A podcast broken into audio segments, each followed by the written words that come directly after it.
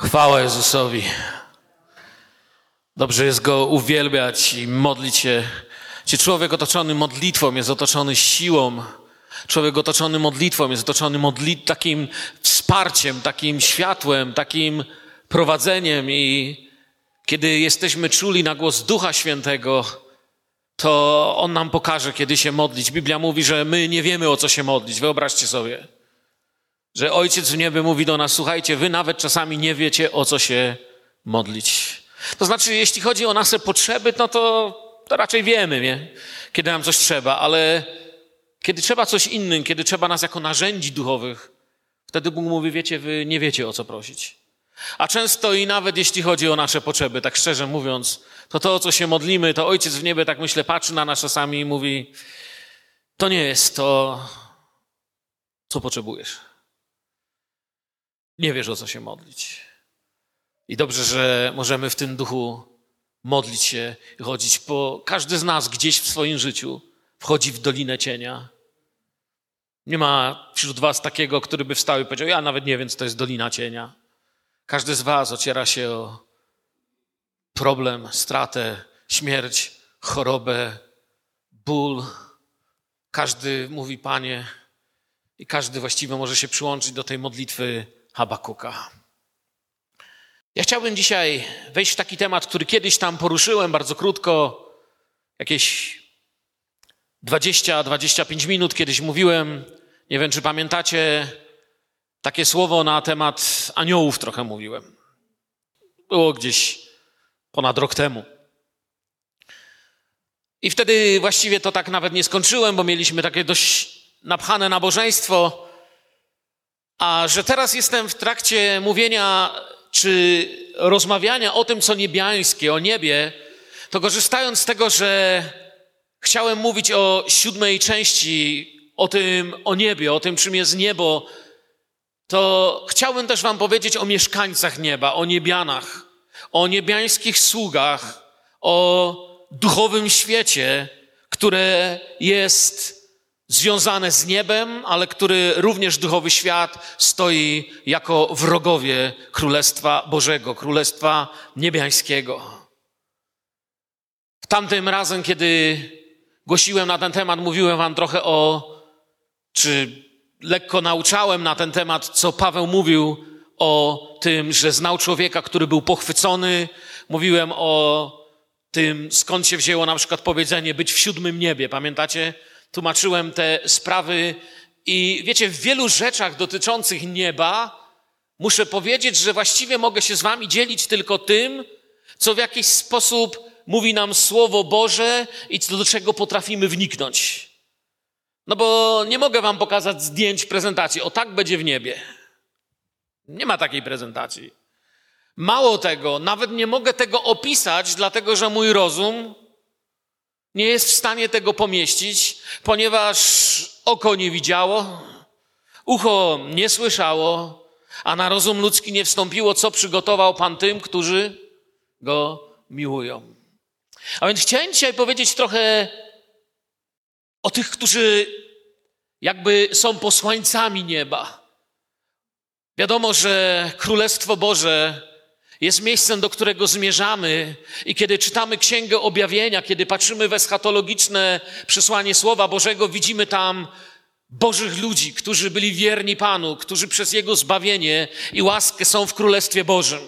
Ale korzystając, że mogę dzisiaj nauczać i rzeczywiście mieć taką mógłbym powiedzieć nawet nie tyle niedzielne kazanie, co rzeczywiście biblijną lekcję Słowa Bożego, chciałem powiedzieć o tych, którzy stamtąd przychodzą.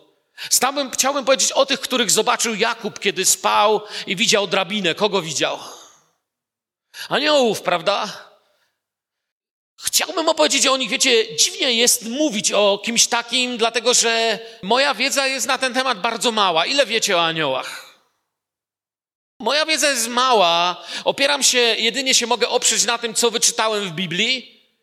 Mogę się oprzeć na tym, co mądrzy ludzie, teologowie, znawcy języka hebrajskiego i greki jeszcze tam wyczytali, wycisnęli z tego tekstu więcej niż może ktoś taki prosty jak ja. I powiem tak, że to jest trudny temat i możemy powiedzieć tylko tyle, ile pokazuje nam Biblia, a bardzo ważne jest, żeby się starać unikać, myślę, że mnie zrozumiecie, takich folklorystycznych, ludowych podejść. Wiecie o co chodzi. Mamy czasami takie podejście, aniołek i diabełek sobie siedzą gdzieś tam. Na przykład jak oglądaliście bajki Disneya, to tam kotek sobie siedział i kotek miał tutaj diabełka, tutaj miał aniołka i ten aniołek mu tutaj szeptał, diabełek tutaj. To takie, taki folklor trochę, zabawa w ludzi. Zabawa ludzi chciałem powiedzieć. Ale coś więcej możemy. Pierwsza myśl, którą zawsze chcę powiedzieć i kiedy tamtym razem mówiłem o aniołach, to właśnie w tym temacie się poruszałem i dzisiaj w nim może dłużej nie zostanę, że najważniejszy jest Chrystus.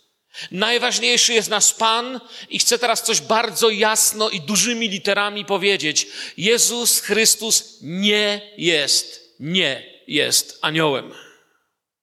Są ludzie, którzy nauczają, że Jezus jest aniołem i jest to herezja. Jest to herezja kładąca Jezusa na równi z Lucyferem. Gdyby Jezus był aniołem, to byłby równy Lucyferowi, dlatego że gdyby Jezus był aniołem i przyjął pokłon, nie będąc Bogiem, przyjął chwałę, to kim by był ktoś, kto oprócz Boga przyjmuje chwałę? Wyobraźcie sobie kogoś, kto nie jest Bogiem, ale pozwala się czcić jak Bóg. Pozwala uklęknąć. Wiemy, że w objawieniu Jana mamy to pokazane, że widząc anioła, on upadł na kolana i co zrobił anioł? Powiedział do niego, uwielbiaj mnie teraz, śpiewaj mi pieśni, zmów aniele Boży stróżu mój. Nie, on go wziął i mówi, nie, nie, nie, nie. Jestem tylko posłańcem, sługą. Bogu oddaj chwałę. A Jezus bez problemu przyjmuje chwałę. Jezus się modli, Ojcze, a teraz Ty uwielbij mnie, tak jak ja uwielbiłem Ciebie. Ja i Ojciec jedno jesteśmy. Powiedzcie, kim by był anioł, który by takie rzeczy mówił? A więc kiedy słyszycie nauczanie, że Jezus jest aniołem, wiedzcie od razu, że jesteście narażeni na wielką herezję, którą dzisiaj się głosi. Aniołowie należą do Jezusa, On jest nad nimi, istnieją przez Niego i istnieją dla Niego i On nie jest aniołem.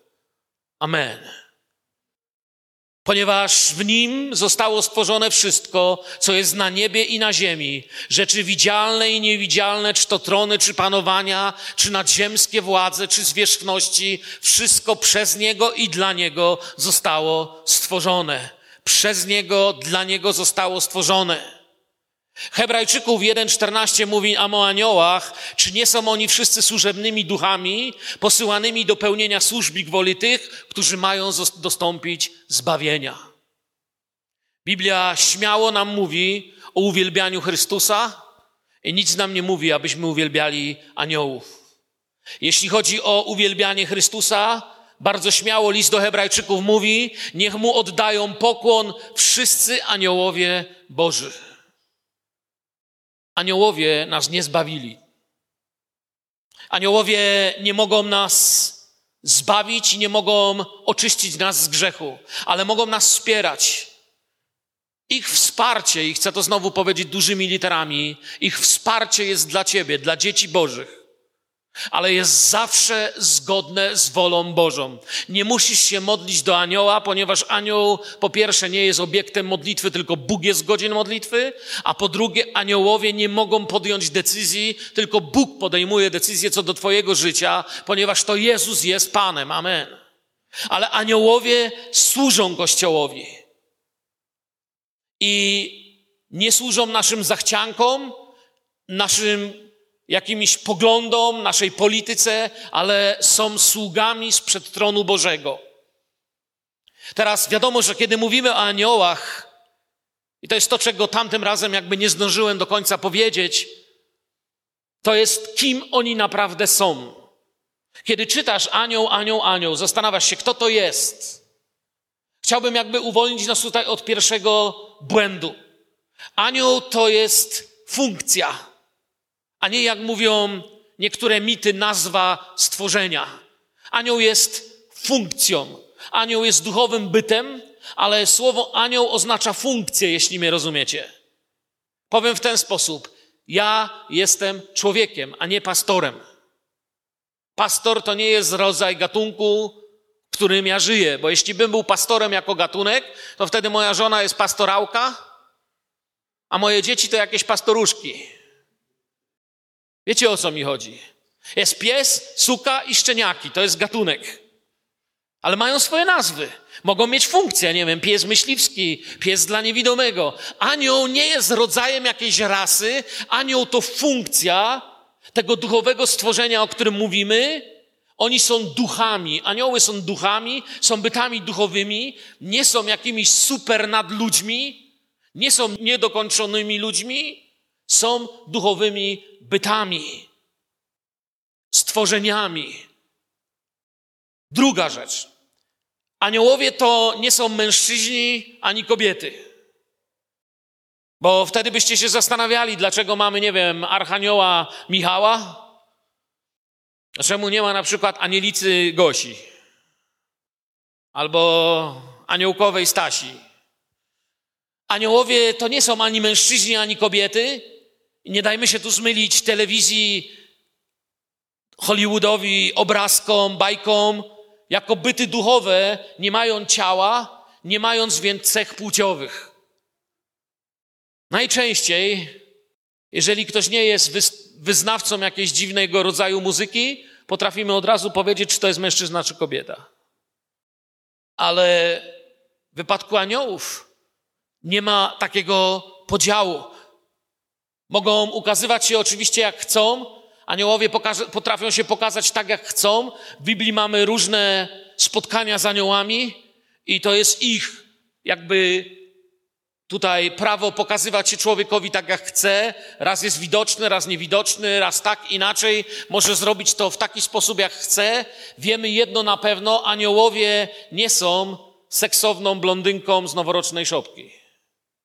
Nie są też jakimś tłustym, malutkim cherubinkiem. Widzieliście takie czasami, nie? Cherubinek, takie skrzydełeczka, taki malutki, nagi grubasek sobie lata z malowideł i płaskorzeźb.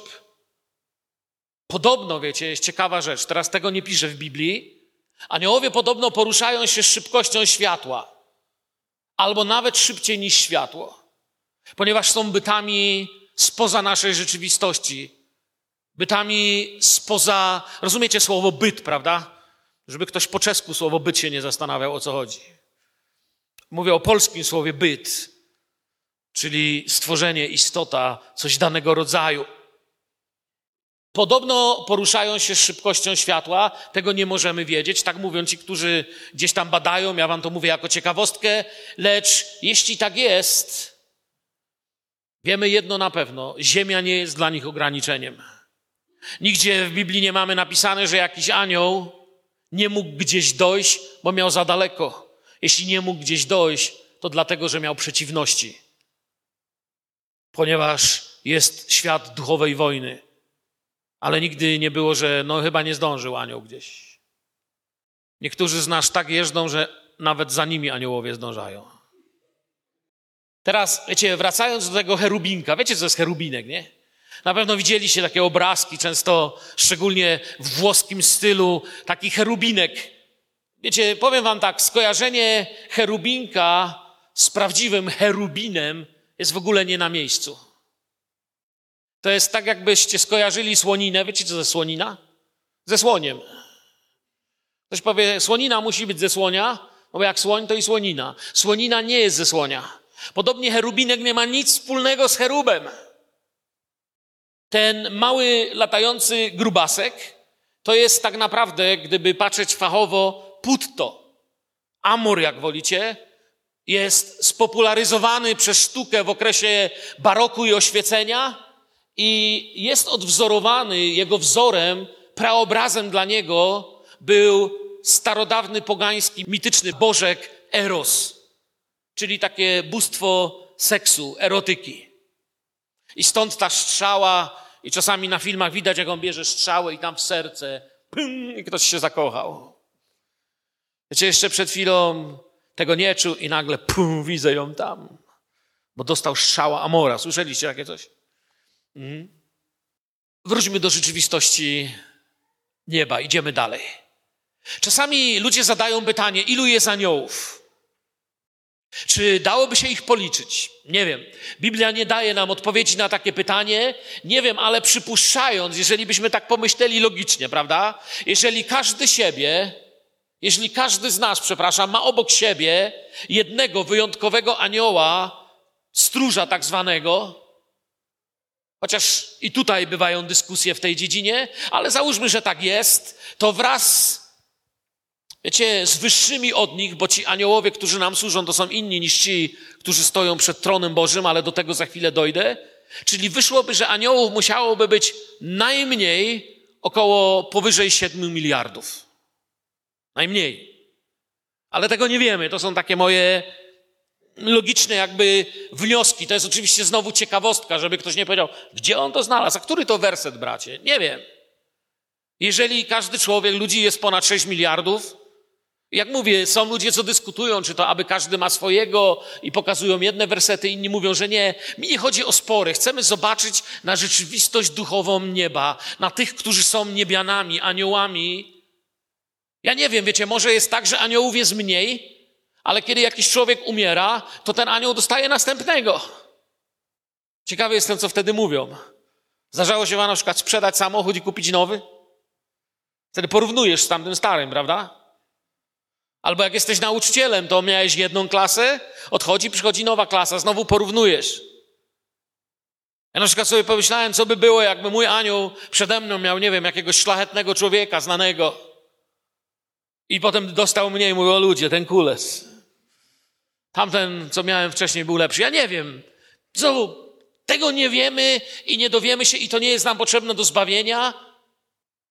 Ale to, co jest ważne, co wam chcę powiedzieć o tych duchowych istotach, bytach mają swoją wolę. Mogą decydować, wybierać, myśleć, wyciągać wnioski, dlatego też mogą być dobrzy albo źli, mogą być prawdomówni lub mogą być kłamliwi, i takie duchowe istoty są rzeczywistością. Wiecie, w duchowym sensie wybór oznacza zawsze dwie rzeczy. Duchowy świat zna tylko dwa wybory: błogosławieństwo i przekleństwo, czyli szczęście i nieszczęście, czyli przekleństwo. Błogosławieństwo oznacza Bożą obecność. Przekleństwo oznacza brak Bożej obecności. Dlatego mówimy o aniołach i demonach. Bóg demonów jako demonów nie stworzył. W Biblii nie mamy czegoś takiego, że stworzył Bóg aniołów, a potem myślał, no tak, żeby nie było nudno, jeszcze tych czarnych zrobimy. Nie. Bóg demonów nie stworzył. I za chwilę powiem, skąd to się wzięło, zło. Myślę, że większość z Was, tu czytacie Biblię, akurat to wiecie. Inna ważna rzecz, którą tu chcę powiedzieć o aniołach w tym wstępie, co do ich istoty. Aniołowie nie znają przyszłości. Anioł nie wie, co będzie.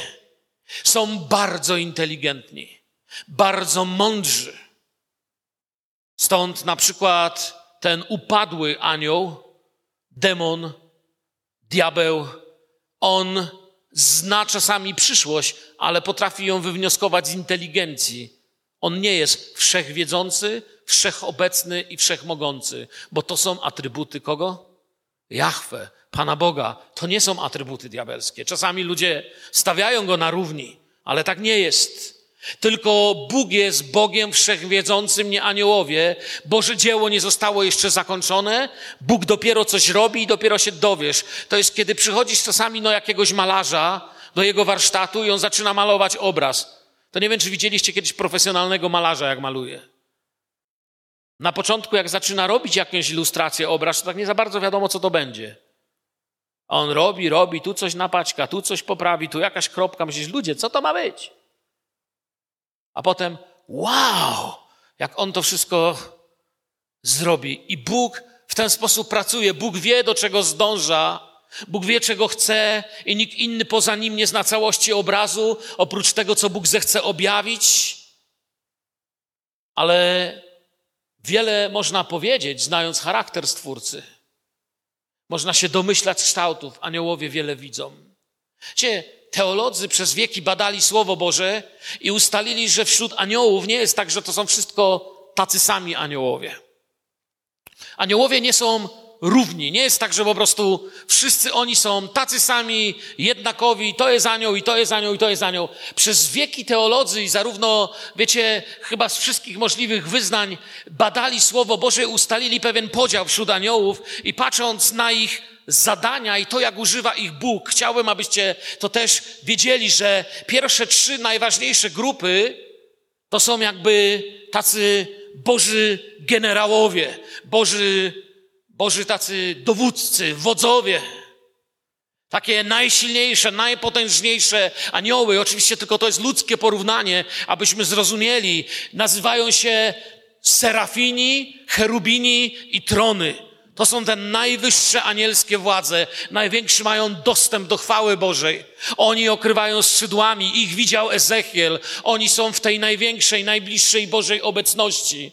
Potem mamy coś takiego, jakby trochę niżsi, jakby mówić wojskowym językiem oficerowie, spełniający ważne Boże zadania, wypełniający najważniejsze Boże polecenia. To są panowania, moce i władze.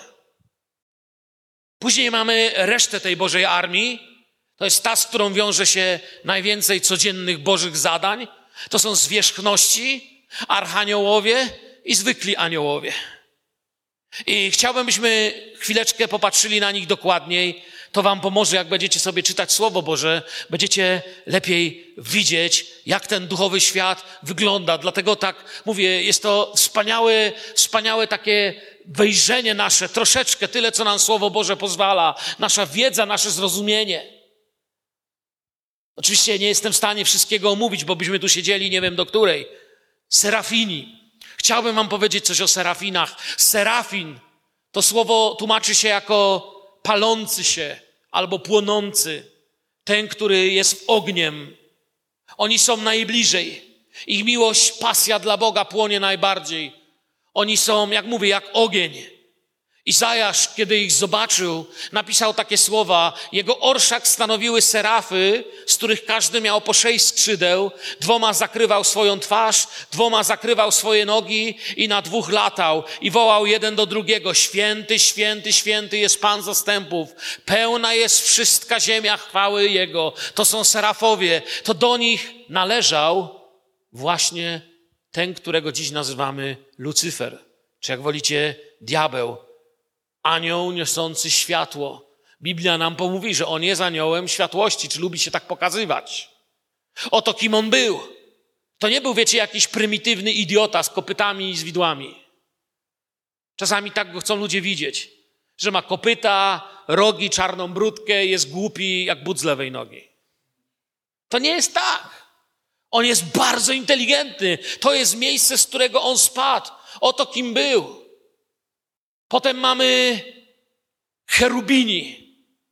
Cherub, cherub czy cherubin oznacza, i dlatego mówiłem, zobaczcie, teraz mówiłem wcześniej, że cherubin, porównywać cherubina, cheruba z tym gołym małym aniołkiem, cherub, tym cherubinkiem, to jest trochę niepoważne, dlatego że cherubini tłumaczy się jako mocni w mądrości, czy jako mądrość.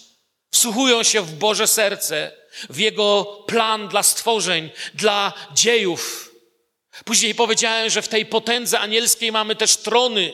Nam się trony kojarzą z krzesłem, ale to jest wielka władza, są obrazem sprawiedliwych Bożych sądów, jasnego widzenia prawdy, odróżniania dobra od zła. Tu nic nie przejdzie. To są jakby ci, którzy w sądzie są ławnikami. Kto z Was był w sądzie, wie, że są ławnicy. Są ci, którzy słuchają, zadają pytania, obserwują. Oni mają pełną Bożą ostrość. Kiedy coś się dzieje przed Bożym tronem, oni są tymi, którzy są trzymającymi prawdę, naukę, mądrość. Potem mamy panowania. Czasem jest brak ludzkich słów. To jest jakby panowania są rodzajem takiej to jest złe słowo, ale ja nie mogę znaleźć lepszego, ok? Takiej rady starszych, takiego sztabu naczelnego, przekazującego na cały duchowy wszechświat rozkazy Najwyższego, ogłaszają wszelkiemu stworzeniu Boże rozkazy.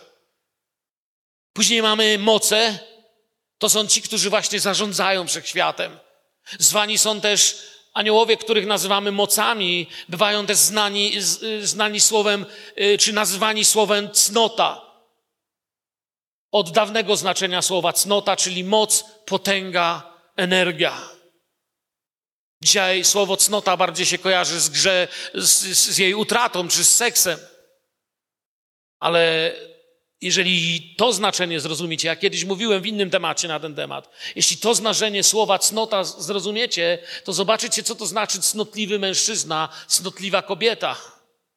Świat się śmieje i mówi do, o mężczyźnie, taki cnotliwy facet, no, nie widział niczego, wiecie, i świat to tak ubrudził. Albo mówi do kobiety, no taka cnotka, boi się chłopów. Ale Biblia wcale się z tego słowa nie śmieje, dlatego że zobaczcie, jeżeli jesteś cnotliwy, Biblia mówi, że słowo cnota, czy przepraszam, nie Biblia mówi, ale my wiemy, nauczanie, y, znaczenie słowa cnota w tłumaczeniu oznacza moc, potęga i pełnia siły czy energii. Nie mamy definicji tego w Biblii, dlatego nie powiedziałem, że Biblia mówi. Później mamy władzę. Władze walczą z przeciwnościami wobec woli Bożej na świecie. Potem są zwierzchności. To są aniołowie nad narodami. Aniołowie Persji. Aniołowie takiego czy innego królestwa. Anioł nad Czechami, nad Polską. Wiecie, nie chcę za głęboko w to wchodzić. Nie mamy aż takiego objawienia, ale mamy zwierzchności. Po zwierzchnościach mamy trochę niższych aniołów, którzy się nazywają archaniołowie. Tych znamy z Biblii. Ci poruszają się bardzo blisko tutaj ludzi. Znamy z Biblii na przykład Archanioł Gabriel, który zwiastował o narodzeniu Jezusa. To są wspaniali Boży posłańcy, przekazują Boże informacje ludziom i bezpośrednio od Boga do człowieka potrafią przekazać słowo i stanąć. I później mamy tych zwykłych aniołów, zwani w niektórych tradycjach właśnie aniołami, stróżami. Stąd ci wzięło to słowo, takich zwykłych, pilnujących. Widać je szczególnie w wersecie na przykład Y, Mateusza 18:10, tam ich mamy opisanych.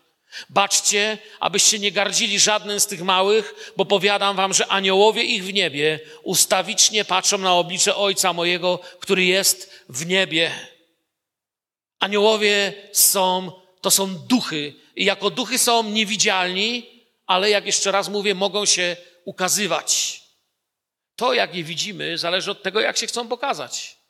Aniołowie do czego tu zmierzam teraz? Mogą się ukrywać. Wiecie, co to znaczy incognito? Czyli, że nie wiecie, kto to jest. Pamiętam, kiedyś słyszałem taką historię, czy czytałem, jak jedna pani w Anglii opowiadała, pytali o największe straty, o największe głupoty, jakie ludzie zrobili w swoim życiu. I wiecie, jeden mówi, że za dużo pił, inny człowiek mówi, że tam niepotrzebnie w coś się w młodości wplątał, jeszcze jeden mówi, że niepotrzebnie tatuaż sobie dał zrobić, ale szczególnie podobała mi się jedna kobieta, powiedziała, że największą głupotę mojego życia zrobiłam w pewną deszczową noc parę lat temu.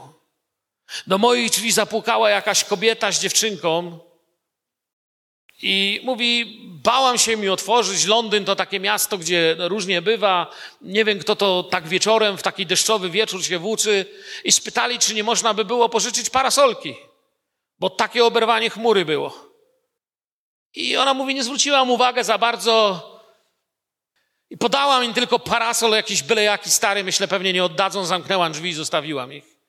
Mówi, moje wielkie zdziwienie było, kiedy na drugi dzień pod mój dom podjechał wielki, luksusowy Rolls Royce, wysiadł mężczyzna w garniturze, zapukał do moich drzwi i oddaje mi mój parasol i mówi, królowa dziękuję, że na spacerze pani pożyczyła parasol. Ona mówi, zdałam sobie wtedy sprawę, mogłam mieć królową na herbatę w domu. Mogłam ją przyjąć i poznać ją osobiście. Dałam jej stary, dziurawy parasol. Mogłam tak wiele zrobić. Mogłam tyle osiągnąć i jednak nie zrobiłam. To jest słowo incognito. Królowa przecież nie zapuka do drzwi, nie powie, dzień dobry, jestem królowa. Bo jakby mi ktoś tak zrobił, ja bym powiedział, jesteś królowa, czy ja jestem święty Piotr.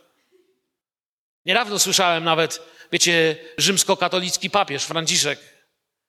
Niedawno w wiadomościach mówili, że zadzwonił po pizzę. Pizzy mu się zachciało. I wziął po prostu z telefonu, zadzwonił do włoskiej pizzerii po pizzę I zadzwonił, mówi, dzień dobry, to mówi papież Franciszek, chciałem zamówić pizzę. I dokładnie tak odpowiedział człowiek po drugiej stronie, a ja jestem święty Piotr i pizzy nie wożę i odłożył. Ten zadzwonił drugi raz i mówi, naprawdę jestem Franciszek i tamten dopiero zrozumiał. Wiecie, nie każdy człowiek w Watykanie może rozmawiać sobie o tak z papieżem. To jest to incognito. A ja mówię teraz o aniołach. Powiem to krócej, Biblia to pięknie mówi, bo ja bym wam gadał do wieczora. Gościnności nie zapominajcie, przez nią bowiem niektórzy nie wiedząc o tym, królową Anglii, aniołów gościli. Dużo więcej niż królowa Anglii. Aniołów gościli. Aniołowie nie starzeją się. Gdzie anioł się nie rodzi mały, żeby potem rosnąć.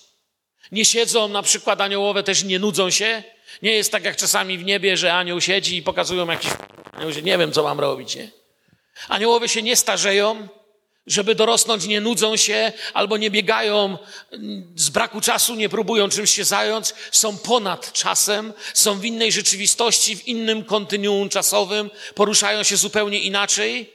I ich szybkość istnienia jest większa niż szybkość światła, czyli to, co widzialne, tak jak mówią naukowcy. I chociaż to nie jest, wiecie, definicja aniołów czy duchowych bytów, to nie to je czyni duchowymi lub nie.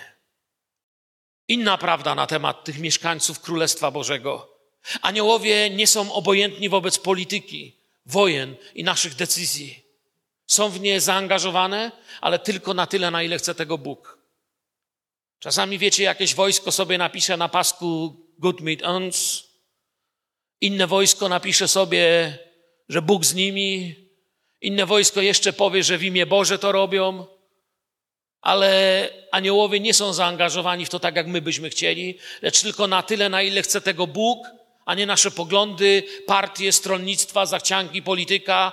Ich opieka dotyczy ludzi, a nie partii albo stronnictw. To jest tyle, jeśli chodzi o mieszkańców nieba. Teraz chciałbym powiedzieć troszkę o tych gorszych, o drugiej stronie. Przejdziemy teraz na mroczną stronę.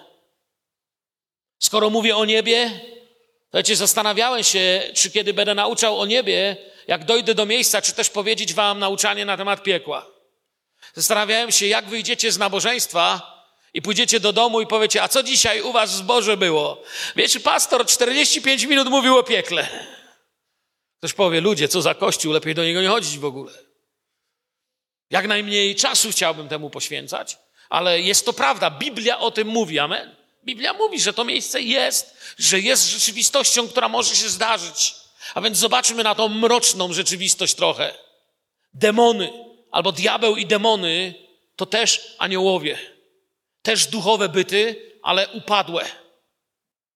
Wiecie, na, nie powiem na tysiące lat, nie powiem na setki wieków, powiem na eony, bo to jest tak duża liczba czasu. Na eony jego dziejów rzuca nam światło prorok Izajasz.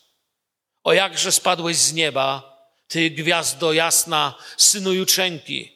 Powalony jesteś na ziemię, pogromco narodów, a przecież to ty mówiłeś w swoim sercu, wstąpię na niebiosa, swój tron wyniosę ponad gwiazdy Boże i zasiądę na górze narad, na najdalszej północy, wstąpię na szczyty obłoków, zrównam się z najwyższym, a oto strącony jesteś do krainy umarłych, na samo dno przepaści. Teraz sobie wyobraźcie to, co mówiłem na początku. Gdyby Jezus był aniołem, kim by był? To jest anioł, Lucyfer, który tego chciał. Wiecie, Bóg nie stworzył Lucyfera czy diabła jako złego. Nie jest on jakąś naturalną opozycją, którą Bóg powołał, żeby była jakaś druga strona. Nie jest też równy Bogu, to chcę, abyście zawsze wiedzieli. Wiecie, jaka jest największa różnica między Bogiem i diabłem? Bóg jest stworzycielem, a diabeł jest tylko stworzeniem. Widzicie już tą różnicę? Bóg jest garnczarzem, diabeł jest garkiem. Jest tym, co zostało stworzone. A Bóg nie ma początku, nie ma końca. Bóg jest majestatem, do Niego się zwracacie. Pomyślcie, jaki mamy przywilej. Możemy w imieniu Jezusa stawać przed tronem Bożym i rozmawiać nie z kimś, kto mówi, wiesz, dziś nie mogę, bo się źle czuję. Dziś nie mogę, bo już stary jestem, zostałem stworzony dawno temu. Dziś nie mogę, bo mi tam coś wyższego nie pozwala. Modlimy się do Boga, który zasiada na tronie i modlisz się o swoje chore dziecko, modlisz się o uzdrowienie z choroby swojego przyjaciela, modlisz się o jakąś sprawę, modlimy się o misjonarza naszego, modlimy się o inne rzeczy. I Bóg nie siedzi na tronie i nagle nie zaczyna się drapać po głowie i mówi: Oj, no z tym to nie wiem, czy dam rady. On jest najwyższy. On może wszystko, jest wszechmogący, a diabeł nie jest. Czasami lubi, kiedy się go przeciwstawia Bogu. On lubi być użyty w tym Bóg i diabeł. Wtedy się czuje wywyższony. Wiecie, pytanie Bóg czy diabeł, to jakby zapytać, czy jakby nie wiem, co porównać. Macie w domu zapałki? No wyobraźcie sobie zapaloną zapałeczkę i porównajcie do niej wybuch bomby atomowej albo 100 tysięcy bomb atomowych. Tyle samo czy nie? A różnica między Bogiem i diabłem jeszcze większa. On jest tylko zapałeczką. Puh, wszystko. A wyobraźcie sobie 100 bomb atomowych. Człowiek ma tyle bomb atomowych dzisiaj, że mógłby całą Ziemię zniszczyć, jeszcze by starczyło na parę innych. A diabeł lubi być porównywany.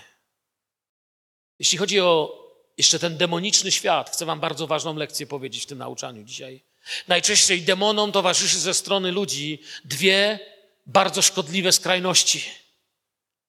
Pierwsze to jest niewiara w to, kiedy ludzie mówią: A, w ogóle nie ma demonów, diabeł to jest przeciwwaga dla Pana Boga, taka konkurencja Pana Boga, którą wymyślił sobie Kościół, żeby więcej pieniędzy zebrać, żeby się ludzie bali. Diabeł się bardzo cieszy, kiedy uważamy, że go nie ma. Tak jak złodziej nie lubi, kiedy ktoś go widzi. Diabeł przychodzi jak? Złodziej, kraść, niszczyć, zabijać. I teraz wyobraźcie sobie złodzieja, który potrafiłby wymyślić ubranie, które ubiera i go nikt nie widzi. Każdy kryminalista, bandyta, który się włamuje, chciałby mieć takie ubranie, prawda? Że nikt go nie widzi. Może brać, zabierać, a jeszcze mówią, że go nie ma. I druga skrajność to jest pasjonowanie się nim. Czyli częste nauczanie o nich, rozmowy, śledztwa, wmawianie ludziom ich mocy, i tacy ludzie też znam takie ludzi. Wiecie, oni widzą diabła pod każdym krzesłem. Wszędzie jakieś siły, jakieś demony. Myśmy mieli takiego kiedyś znajomego, który ciągle jakieś cienie widział, wiecie. Plama na szybie, demon. W czasie nabożeństwa mówił, czułem jakiś cień, przesuwał się koło sufitu czarny cień. Ci ludzie wszystko wszędzie widzą, wiecie. Ja nie mówię, że zło nie działa, ale jeżeli się nim pasjonujemy, jeżeli się na to nakręcamy, to jest bardzo szkodliwe, bo naszym szczęściem ma być blisko Boga, blisko Jezusa. Mamy się nim pasjonować, nim napełniać, czytać Jego słowo. Obydwie opcje bardzo cieszą Bożych przeciwników, czyli demony diabła. Niewiara we wroga albo przecenianie go są dla niego zapowiedzią zwycięstwa. Kiedyś w innym temacie wam już mówiłem, nauczając, że to jest właśnie kiedy się wojsku naucza, militarnie. Popatrzcie na to militarnie, jako armia. Kiedy jakaś armia zaczyna mieć przewagę? Kiedy wróg nie wierzy, że sam, są tam, gdzie naprawdę są.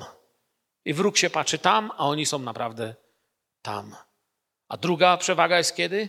Kiedy ich jest bardzo malutko, ale wróg mówi, że są ich tysiące. I zaczyna się bać. I wiele razy w historii bitew mógłbym wam dzisiaj tutaj opowiedzieć o kilku bitwach w historii ludzkości, które wielkie armie przegrały z małymi armiami, tylko dlatego, że wierzyli, że tamtych jest więcej, są silniejsi i mądrzejsi. A tak wcale nie było. Wiele razy w historii to było. Taka wojna psychologiczna. I zło również taką wojnę prowadzi. Wiecie, ale nie wierzyć w nie też jest źle. My nie mamy w diabła wierzyć tak, jak wierzymy w Boga, czy w Jezusa zbawiennie, czyli modlić się, ale musimy uznać, że Jezus, kiedy mówił, że wyganiał demony, to wyganiał naprawdę kogo? Demony.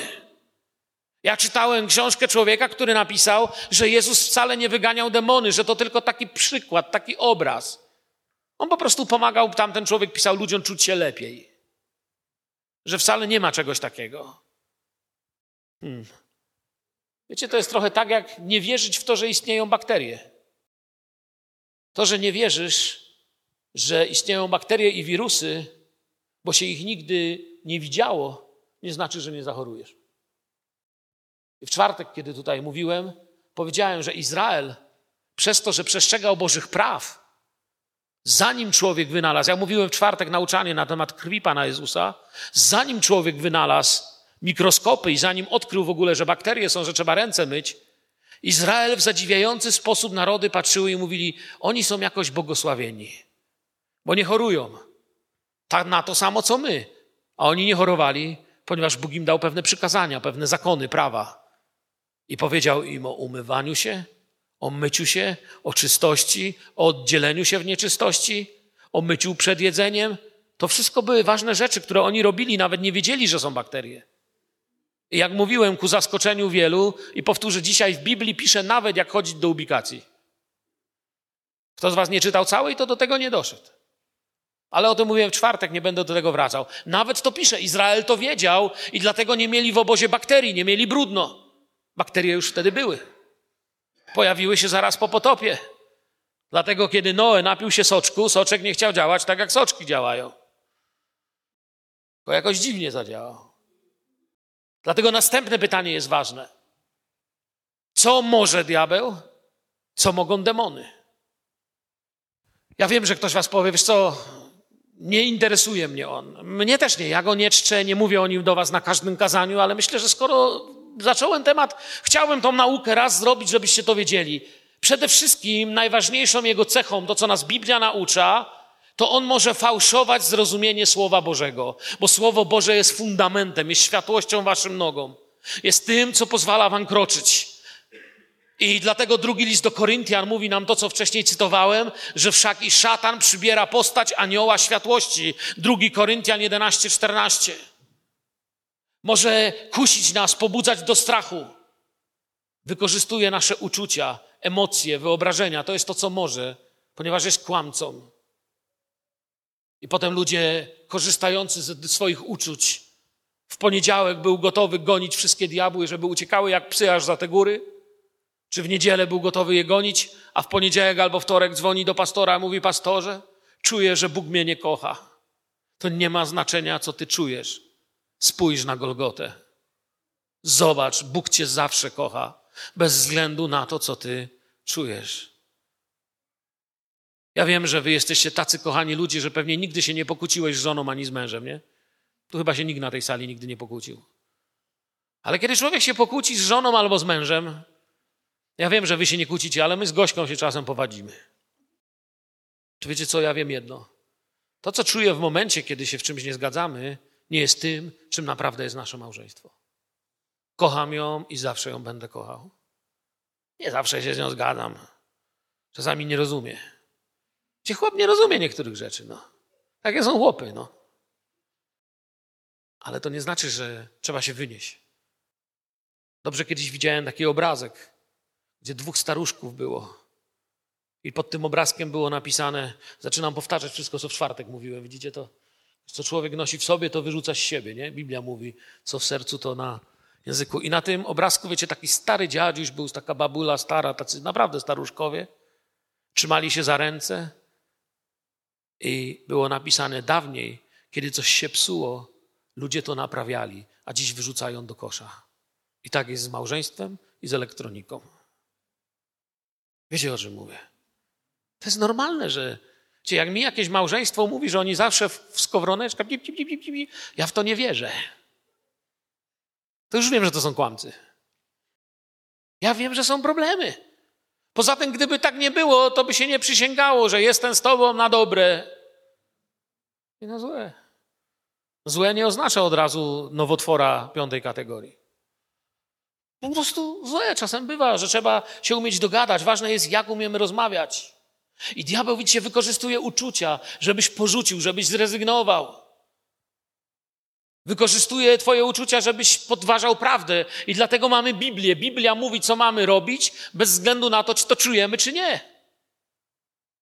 Biblia nie mówi ci, jeśli czujesz, że kochasz Twoją żonę, to bądź przy niej. No jak czujesz, że nie, to idź do innej. Biblia tak nie mówi. A ludzie mówią, ale ja czuję, że już jej nie kocham. Dlatego tak mówią, ponieważ w dzisiejszym świecie porządliwość pomyliła się z miłością. I kiedy ludzie mówią, kocham cię, tak naprawdę nie mówią, kocham cię, tylko pożądam cię. A potem porządliwość mija i mówią, już cię nie. Kocham, ponieważ ich miłość jest emocją, a miłość nie jest emocją, tylko decyzją, która musi zaangażować nasze emocje, wszystko pod siebie i być wyższa niż to. Ale nie będę, chodzi mi o to, diabeł może kusić przez to, co czujesz, zmienia twoje uczucia, emocje, wyobrażenia, chce ci się pokazać jako większy. Zdarzają się przypadki, że potrafi poruszyć materialne przedmioty, że rzeczy się ludziom ruszają w domach. Pamiętajcie, powiem tak, że cokolwiek chce zrobić, nigdy nie jest większy niż wola Boża i na wszystko musi mieć Boże zezwolenie i Boży dopust. Jest jak pies z podkulonym ogonem, kiedy Bóg powie nie. Diabeł nie ma dostępu do Twojego życia. Czasami ludzie mi mówią, ty bracie uważaj, bo ty głosisz Słowo Boże i diabeł może po drodze zaatakować. Ja wiem jedno, większy jest mój Jezus niż jakikolwiek diabeł. I nie dam się zastraszyć. Jeżeli Jezus pozwoli, żebym coś przeszedł, to i tak to przejdę.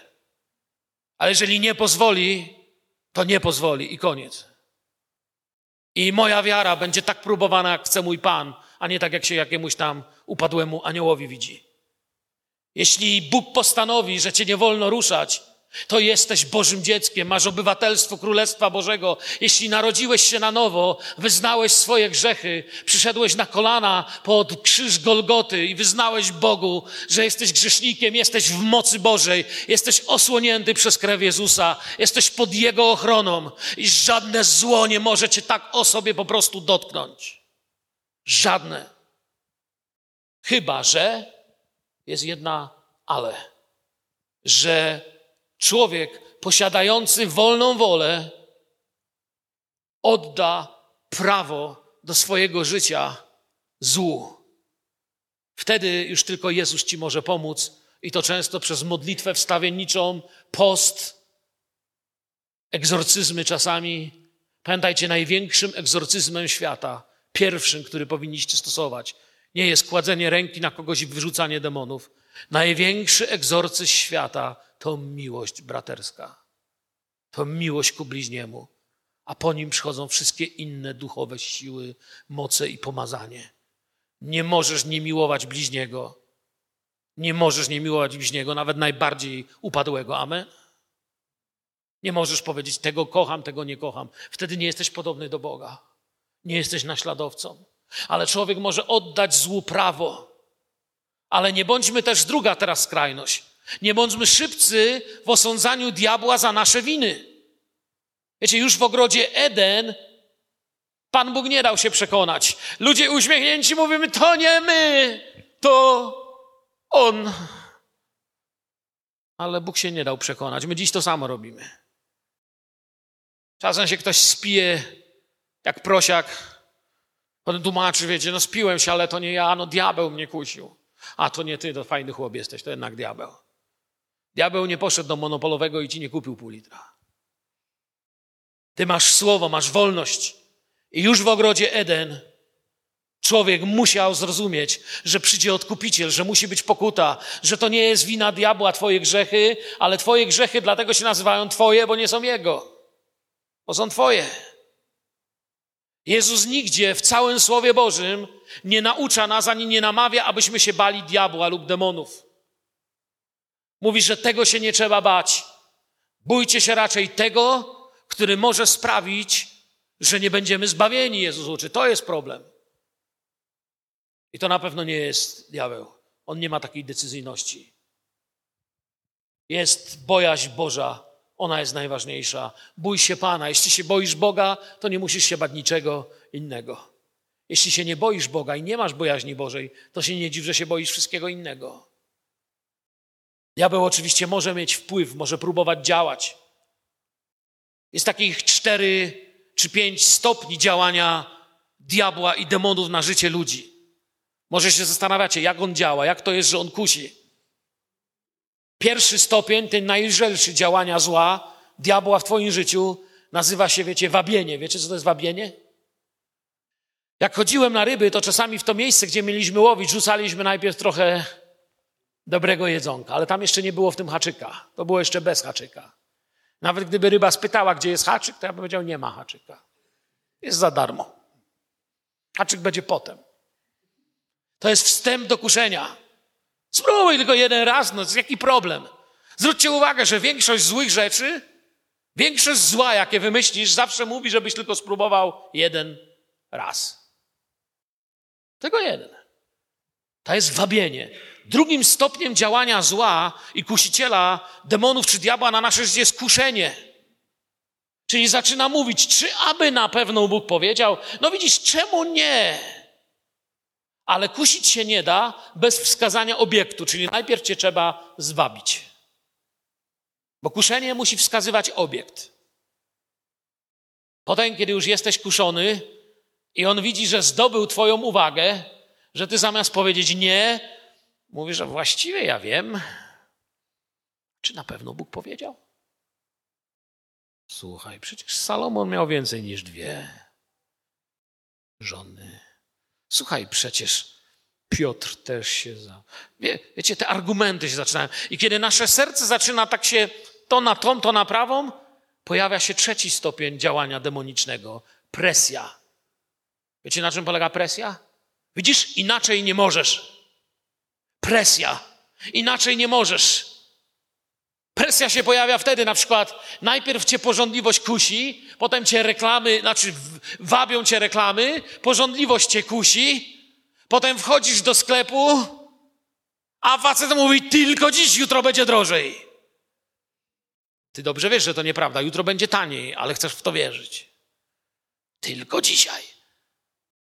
Tylko dziś. Presja się zaczyna. Słuchaj, inaczej się nie da. Jak stąd wyjdziesz, to się zgubi. Jutro będzie już dużo, dużo drożej. Wiecie o co chodzi? Potem następnym formą jest atak i opętanie. To jest kiedy człowiek w to wejdzie, dostaje kajdany. I już wtedy nie ma znaczenia, co ty chcesz. Wszedłeś, spróbowałeś ten jeden raz, podważyłeś, jesteś Jego. Teraz będę Tobą poniewierał. To jest to miejsce, gdzie rozpoczyna się przelew krwi i rozpad całkowity. Opętanie jest dzisiaj modnym tematem. Nie dzieje się samo, to wam powiem. Nie będę o tym nauczał, bo już mi czas mija. Nie wiem, czy jeszcze ile wy siedzicie. Ja chcę już powoli kończyć, ale wiem jedno: opętanie nigdy nie dzieje się samo. Nigdy ci się tak nie stanie, że kładziesz się wieczór spać, czytasz Słowo Boże, kochasz Jezusa, masz czyste życie, a rano się budzisz opętany. Nigdy. Żeby być opętanym trzeba otworzyć. Człowiek jest tak stworzony przez Boga, kto z was ma komputer, to wie, że dobry komputer ma programy antywirusowe, ma takiego firewalla. I każdy człowiek go ma. Musisz to otworzyć, musisz wpuścić. Samo nie pójdzie. Trzeba podstępem tam wejść. Mamy w duszy taką blokadę. Usunięcie blokady powoduje, że dajemy przystęp diabłu i demonom. I Bóg zabezpieczył naszą duszę i mamy jesteśmy zabezpieczeni. I tylko my sami możemy tę blokadę otworzyć i wpuścić do siebie zło. Sam się możesz doprowadzić do opętania. Ktoś powie, jak? Powiem Ci proste przykłady z codziennego życia. Pierwszym pięknym kanałem do wpuszczenia szatana i demonów w Twoje życie są wróżby. Te prawdziwe i nieprawdziwe, te dla zabawy i dla niezabawy. Diabeł się nie zna na żartach. Diabeł się zna na kpinach, ale nie na żartach. To są wróżby. Jeżeli jesteś człowiekiem, który wróżył z kart, z fusów, z wosku, wróżyli ci z ręki, powinieneś to wyznać jako grzech dotykania się z ciemnością, z mocami, które są przeciwko Duchowi Świętemu, bo nigdy nie doświadczysz Bożej wolności, jeżeli tego nie wyznasz. Wyznanie grzechu powoduje, że krew Jezusa go całkowicie oczyszcza. Drugą furtką dla diabła, żeby być opętanym, jest wywoływanie duchów albo chodzenie na seanse spirytystyczne. Jeżeli masz udział w spirytyzmie, w wywoływaniu duchów, otwierasz się na moce złe. Potem się nie dziw, że nie będziesz dobrze spał. Później kolejnym, kolejną furtką, która się może stać takim kanałem dla diabła, to są uzdrowiciele różnego rodzaju, typu bioenergoterapeuci, różdżkarze, wahadełkowcy, homeopaci, leczący jakąś mocą, tylko nie wiadomo jaką, wchodzący nam do kościołu, mówiący, że to wszystko w porządku, biorący siły nie wiadomo z jakiego kosmosu. Moja siła jest jedna, Pan jest moją siłą. Jedyny cud, jakiego chcę, jest przez Ducha Świętego. Jeżeli nie, to wolę iść do zwykłego lekarza. Horoskopy. Prawie w każdej gazecie przyzwyczaja się ludzi. Wierzący ludzie, którzy mówią, że znają Ducha Świętego, bawią się. A co ty jesteś? Byk. A ty, a ja jestem waga. A ty co jesteś? Panna. Wiecie co jesteśmy, jak to robimy? Jesteśmy głupcami, jak to robimy. Nie jesteś spod znaku byka, barana albo raka, jesteś spod znaku głupca, jeśli to robisz. To jest kanał do duchowych bóstw. Kiedyś nauczałem na temat horoskopów. I mówiłem, nie pamiętam, czy to było tu, czy gdzie to było, chyba tutaj u nas Boże. Mówiłem, za tym stoją starodawni egipscy bożkowie. Za tym stoi staroegipska magia. Za tym stoi ten sam duch, który powiedział do Mojżesza, my potrafimy takie same cuda jak ty. Ten sam duch. Później hipnoza. Hipnoza jest otwieraniem takiej Bożej plomby. Pijaństwo do utraty świadomości. Bardzo często się zdarza, że człowiek, który upije się do całkowitej utraty, tak zwany urwany film, bardzo często nie wie, co potem robił i odkrywa bardzo dziwne rzeczy w swoim życiu. Nie zawsze. Ja nie chcę was straszyć, nie chcę być jakimś przesądnym, nie wiem, średniowiecznym klechą, który was tu straszy, że jak miałeś epizod z alkoholem, wyznałeś swoje grzechy, jesteś wolny, wyznałeś swoje, nie wiem, byłeś alkoholikiem czy pijakiem, to jesteś wolny, to jesteś wolny, wiesz o tym. To są tylko niektóre, wiecie, mógłbym o tym następną godzinę mówić. Bóg wyraźnie powiedział, niech się nie znajdzie u ciebie taki, który przeprowadza swego syna czy swoją córkę przez ogień, ani wróżbita, wyraźnie pisze, ani wróżbita, ani wierzbiarz, ani guślarz, ani czarodziej, ani zaklinacz, ani wywoływacz duchów, ani znachor, ani wzywający zmarłych, gdyż obrzydliwością dla Pana jest każdy, kto to czyni. I z powodu tych obrzydliwości Pan Bóg Twój wypędza ich przed Tobą. Bądź bez skazy przed Panem Bogiem Twoim, gdyż te narody, które Ty wypędzasz, słuchają wierzczbiarzy i wróżbitów, a na to Pan Tobie nie pozwolił. Proroka takiego jak ja jestem, wzbudzi Ci Pan, Bóg Twój, spośród Ciebie, spośród Twoich braci, Jego słuchać będziecie. My jako Kościół mamy proroctwo, mamy Ducha Świętego, mamy Słowo Boże. Nie musisz czytać horoskopów, żeby wiedzieć. Najczęściej, wiecie, te horoskopy to jest taka durnota, że czytasz, otwierasz, czeka cię coś niezwykłego. Stanie się coś, o czym nie wiedziałeś. Spotkasz człowieka. Naprawdę? Codziennie się dzieje coś, o czym nie wiedziałem i spotykam człowieka. Jeśli chcesz coś wiedzieć, masz Biblię, proroków i Ducha Świętego, którego posłał Kościołowi Jezus, pocieszyciela mówiącego prawdę. A więc, by jakikolwiek duch był w człowieku, musi go wypełnić. Musi otworzyć zabezpieczenia. A więc, jeśli chcecie duchowych przeżyć, Bóg nigdy nie siedzi w tym samym pudełku z demonami. Duchy, demony znaczy, nie umierają. I dlatego można je widzieć w działaniu po setkach lat. Wiem, że mój czas powoli się skończył. Jeszcze jedną rzecz chcę wam powiedzieć. Ja wiem, że powinienem powiedzieć już amen i was puścić. Ale jak tego nie skończę teraz, nie powiem wam tego nigdy. A chcę wam ważną rzecz jeszcze powiedzieć. Jedną. Pamiętacie, chcę wam pokazać przykład duchowy. Pamiętacie przykład Molocha z Biblii? Bożka, któremu składano dzieci w ofierze? To działa do dziś. Ten duch nie umarł. Ten demon ciągle ma się dobrze w niektórych kręgach. Wiecie, pierwotnym miejscem jego działania było wzniesienie, które się w Izraelu nazywa Tofet, w dolinie Hinma, co po hebrajsku wymawia się Gehinnon, czyli dochodzimy do słowa, które znamy, Gehenna. Słyszeliście takie słowo? Ludzie mówią Gehenna, kiedy jest im źle. Gehenna, czyli hebrajskie, Gehinnon. Dolina Hinon. Dawniej była to stoli, taka dziura, dolina wyznaczająca granicę Jerozolimy. I wiecie, co tam robili? Wysypisko śmieci, miejsce kremacji zwłok. Kiedy ktoś umarł, jakiś bandyta albo nieczysty, kryminalista czy ktoś taki nie miał przywileju normalnego pochówku, tam go rzucano i podpalano i tam się dymiło, śmierdziało i wszystkie śmieci tam wyrzucano. Dla Żyda to była najbardziej niegodna śmierć, jeszcze gorsza niż zjedzenie przez ryby. I to już wolał, żeby go ryby zjadły, bo również to uważali Żydzi za, za złe i spalenie też uważali za złe. Teraz Jezus mocno łączy los gorszyciela z brakiem ucieczki nawet po śmierci. Aniołowie, Biblia mówi, pilnują nawet najmniejszych i kiedyś upomni się głos Pana od nich. Nikt się nie ukryje, kto krzywdzi małego. Ale tutaj mamy poważne ostrzeżenie Nowego Testamentu. To tutaj, na wzniesieniu Tofet, w Dolinie Hinnom, Ahaz złożył Molochowi własnego maleńkiego synka. W drugiej kronik, 28 rozdział, o tym czytamy. Wiecie, jak go składano?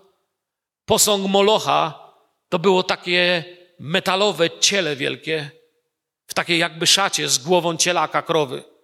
I miał wystawione dwie metalowe ręce tak, a tutaj miał palenisko jak w kominku. I rozpalano do czerwoności ten metal i na ten gorący, rozpalony do czerwoności metal kładziono żywe małe niemowlęta, które się tam smażyły i płonęły. I Bóg powiedział, to jest ochyda, to jest obrzydliwość. Tak składano Molochowi dzieci. Ołtarz, na którym, wiecie, wielu malutkich ludzi zginęło, umierali w męczarniach, zniszczył król Jozjasz w czasie reformacji. I kult w tym miejscu został zniszczony, ale kto wie, jaki demon stał za tym, ponieważ w innych miejscach pojawiło się. Również to samo ofiary dla Azteków. Aztekowie potrzebowali ciągle wojen, bo potrzebowali tyle krwawych niewolników na ofiary i na wyciąganie im serc i napalenie ich, że nie mogli zaspokoić tego ze swoich źródeł. Ciekawe, jaki duch stał za tym, że dym się dymił z kominów obozu Auschwitz i tysiące malutkich dzieci, kobiet i starców chodziło do komór gazowych i zostało spalonych. Ciekawe, jaki duch stał za tym, że tam, gdzie dokonuje się aborcji, nazywa się takie miejsce szpital. Zamiast nazwać takie miejsce miejscem morderstwa. To nie jest szpital, kiedy wchodzi dwóch pacjentów, a wychodzi jeden żywy, a drugi martwy. Zgadza się? Szpital, w którym 50% pacjentów się morduje, to nie jest szpital. Władza może być demonowi dana przez ludźmi. I kończąc, wszystkie grzechy wymagają złamania jednego z dwóch przykazań. Chcesz zgrzeszyć? Złam jedno z dwóch przykazań. Kochania Boga albo kochania ludzi. Miłowania Pana albo miłowania ludzi. Potem jesteś przegrany. Potem zaczyna się. Wybaczcie, że dziś przedłużyłem. Chciałem dojść do końca tematu. Ja mam problem, że jak się już przygotuję, to wpadam w wieczność. Wiem, że siedzieliście dzisiaj dłużej. Wybaczcie mi, ale chciałem, żebyście to usłyszeli. Chciałem, żebyście wiedzieli o duchowych istotach, o duchowym świecie. Abyście trwali w czystości. Zachowujcie wasze serca w czystości. Pamiętajcie, to nie jest obojętne, co robisz, na co patrzysz, komu wierzysz i co praktykujesz. Jest siła, jeżeli odkryłeś, że dzisiaj w czasie kazania powiedziałem o czymś, czym się zajmujesz. Przyjdź pod krzyż. Jest drogocenna krew Jezusa, która jest odpowiedzią na śmierć, na grzech, na wszystkie brudy tego świata. Jest taką siłą, że nie ma żadnej siły, która jej się przeciwstawić może. Wstańmy i podziękujmy Bogu za Jego łaskę, potęgę i moc. Panie, wywyższamy Twoje imię i dziękujemy dzisiaj Tobie, że nie musimy się bać żadnych demonów, nie musimy się bać żadnego zła, kiedy mamy Ciebie. Panie, błogosławię to zgromadzenie. Wywyższamy Ciebie i dziękujemy Ci za dobrą nowinę. A dobra nowina brzmi, że Ty umiłowałeś świat, dałeś swojego Syna, aby każdy, każdy, kto mógłby umrzeć, zginąć w grzechach, nie musi, ale może mieć życie wieczne. A tym, którzy Cię przyjęli, dałeś prawo stać się dziećmi Bożymi. I tak stajemy przed Tobą, Ojcze w niebie, i przynosimy Ci nasze rodziny, naszych bliskich. Przynosimy Ci nasze własne głupoty i upadki. Kiedy w niewiedzy, Panie, szliśmy drogami, którymi nie chcesz, abyśmy chodzili. Proszę Ciebie, jeśli na tym miejscu jest ktokolwiek z naszych zborowników lub gości, który szedł tą drogą, poprowadź go ku pokucie, ku wolności, ku światłu. Proszę Ciebie, abyśmy byli ludźmi, którzy w górę patrzą, Ciebie oczekują, za Tobą chodzą, w Tobie mają miłość i radość. Błogosławię zbór w grudku, moich kochanych przyjaciół, zborowników. Daj im światło Twego słowa. Błogosławy gości, których tutaj mamy. Tobie chwała i cześć niech będzie nasz królu i panie. Amen.